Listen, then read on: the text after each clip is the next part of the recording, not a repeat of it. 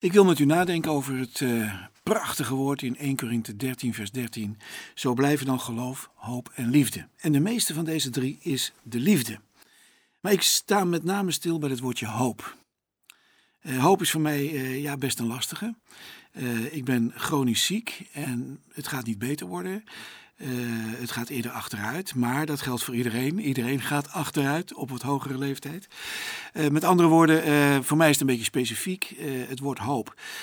dat ligt in het feit dat ik een jaar of tien geleden ernstig ziek geworden ben en, en een wonder heb meegemaakt dat God mij toch daaruit heeft gehaald. Ik heb daar een jaar lang verlamd in bed gelegen met een, een coma van 50 dagen.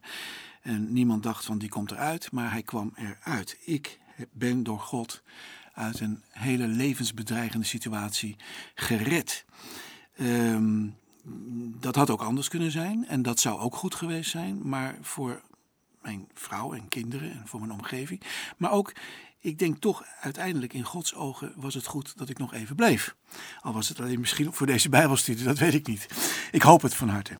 Maar in ieder geval, eh, daardoor is hoop voor mij iets heel anders geworden. Het lijkt wel alsof ik na de hoop leef. Gek is dat, hè? Uh, er wordt gevochten om je lichaam, er wordt gevochten om je leven.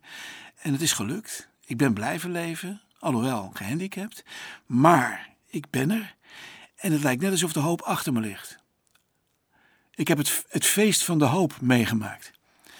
Uh, hoop van doktoren, hoop van chirurgen, hoop van verpleegkundigen, hoop van uh, de dame die de bloemetjes op mijn in mijn kamer heeft gezet. Iedereen heeft daar een bijdrage aan geleverd. En uh, ja, ik zeg altijd wel eens, het is een soort hand, een hand van de hoop. En die hand heeft een duim en die heeft natuurlijk vier vingers. En die duim die noem ik God. En die duim kan alle vier de vingers aanraken. God kan alles aanraken. Dat is de opponerende duim. Zo moet u hem maar even zien. En die opponerende duim van God, eventjes dat beeld vasthouden, die heeft vier vingers om aan te raken. De eerste is misschien wel de medische wetenschap. God gebruikt chirurgen, artsen, het brein en de hersenen van de mensen om ze creatief te maken, inventief en om ze ja, in hun professionaliteit die hoop gestalte te geven. En die andere vinger, dat is natuurlijk mijn vrouw, dat begrijp je wel. En mijn kinderen, degene die om me heen gestaan hebben jouw sociale netwerk, laat ik het zo zeggen. De derde vinger is mijn kerk, mijn gemeente. De mensen die hebben gesteund en gebeden en gereden met auto's en noem maar op. Allerlei vormen van dienst hebben verleend. En de laatste, dat is dat kleine pinkje wat ook aangeraakt wordt door Gods duim. En dat is mijn wilskracht. Uh, de manier waarop Hij in mij een soort levensdrift en een levenskracht heeft gegeven, waardoor je er echt ook voor wil vechten in de revalidatie en in alle vormen om daar weer eh, bovenop te komen. En zo zie ik eigenlijk dat hele hoopproces als een hand. God geeft hoop door, door onze hersenen te gebruiken, door je sociale netwerk, door de gemeente van Jezus en door de wilskracht van jou persoonlijk. En een, daarbovenop is die duim ook nog in staat om zonder enige vinger verder ook een bijzonder wonder te doen waar geen mens bij kan. Laten we zo zeggen, dat is die hand van de hoop. En die hand van de hoop is een werkende hand. Nou staat er een heel mooi uh, gedeelte in uh, 1 Thessalonicense, uh, hoofdstuk 1. En dat wil ik een klein stukje uitlezen. En dan zie ik dat die hoop en die liefde en het geloof, die ik ontvangen heb van God, in mij een soort hand moeten worden. Een soort werkende hand. Ik lees dit. In 1 Thessalonicense 1, daar staat: Wij danken God altijd voor u allen, wanneer wij aan u denken in onze gebeden. En zonder ophouden denken aan, en nu komt het, het werk van uw geloof, de inspanning van uw liefde en de volharding van uw hoop op onze Heer Jezus Christus voor het aangezicht van onze God en Vader. Prachtig zijn die drie woorden, geloof, hoop en liefde, weer aanwezig in deze tekst. Maar hier worden ze aangevuld met, als het ware, de hand, de werking. Namelijk het werk van je geloof, de inspanning van je liefde en de volharding van je hoop. Dat vind ik een prachtige toevoeging, want ook al hebben wij het geloof ontvangen van God en geloven we zelf niet zoveel, en ook al is het Gods hoop die ons heeft gegeven, en is het Gods liefde die ons is gegeven. Het gaat wel aan dat wij er ook iets mee doen. En daar komt dat woordje werk van geloof, inspanning van liefde en volharding van hoop. Je gaat ermee aan de slag. Ik ben zelf geloofgever geworden. Ik ben zelf hoopgever geworden. Ik ben zelf volharder geworden. Iemand die duurzaam omgaat met het woord van God en met de aanwezigheid van de Heer in je leven. Het werk van je geloof, de inspanning van je liefde en de volharding van uw hoop in 1 Thessalonicense 1, vers 3. Zo komen die prachtige woorden bij elkaar en landen ze in mijn leven en wordt het een hand. Met de duim die God mijn vingers aanraakt, mijn brein, mijn hersens, mijn verstand, waarmee ik God lief heb, mijn sociale netwerk, dat zijn de mensen die door God aan mij gegeven zijn. Dat is mijn gemeente waar ik aan gegeven ben. En het is mijn wilskracht die door de jaren heen door God aangeraakt wordt en mij doet gaan in de weg die God mij heeft gegeven. Nog even doordenken over die woorden, het werk van je geloof en de inspanning van je liefde en de volharding van de hoop. Uh, het lijkt wel een soort vergrotende trap. Werk, inspanning, volharding. Het lijkt wel alsof het hier in deze, in deze tekst als het ware een vergrotende trap is.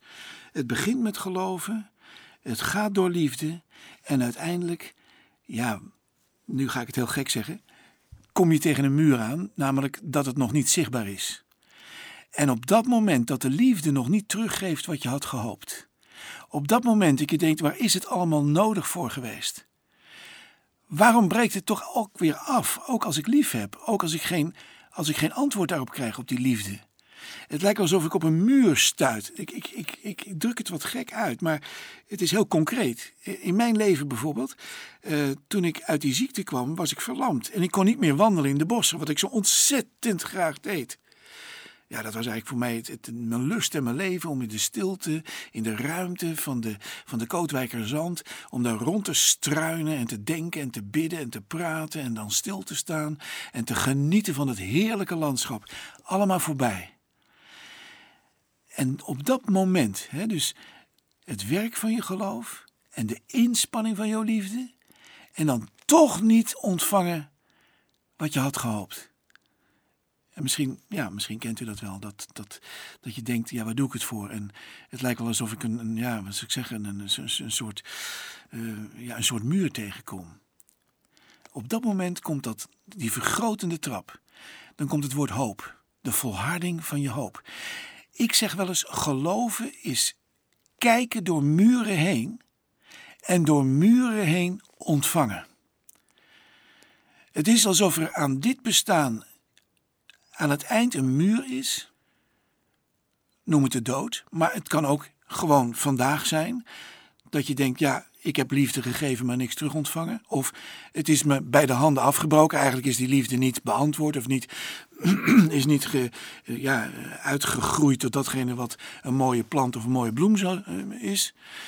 En dat je dan aan die grens komt en dan zegt de tekst, en dan maak je een sprong. Nu ga je springen.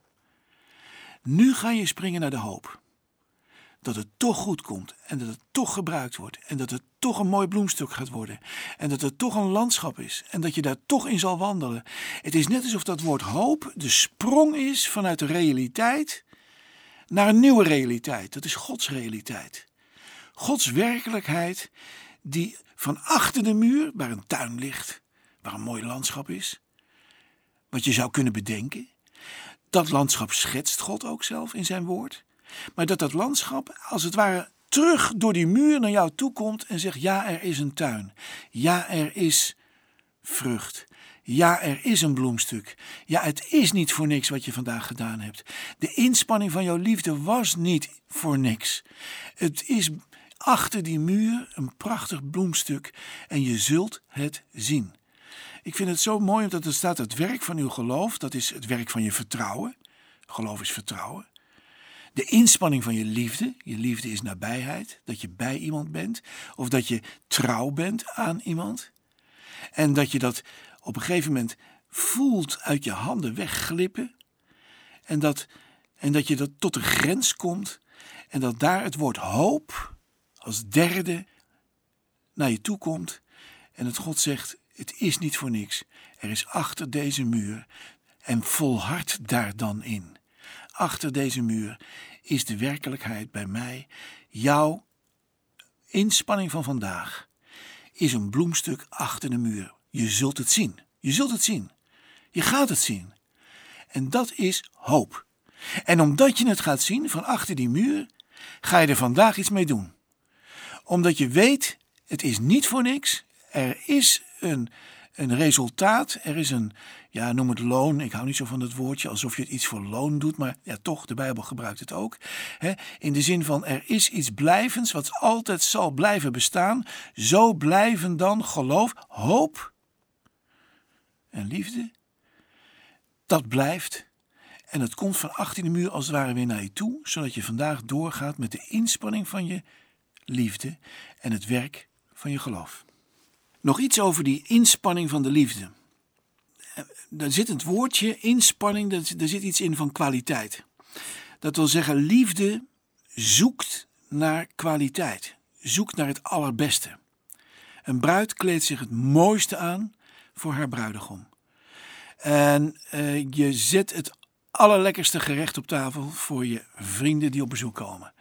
Met andere woorden, liefde zoekt naar kwaliteit. Ik zeg niet perfectie, want dat, dat, dat, dat wordt een beetje naar, dat, dat, dat redden we niet.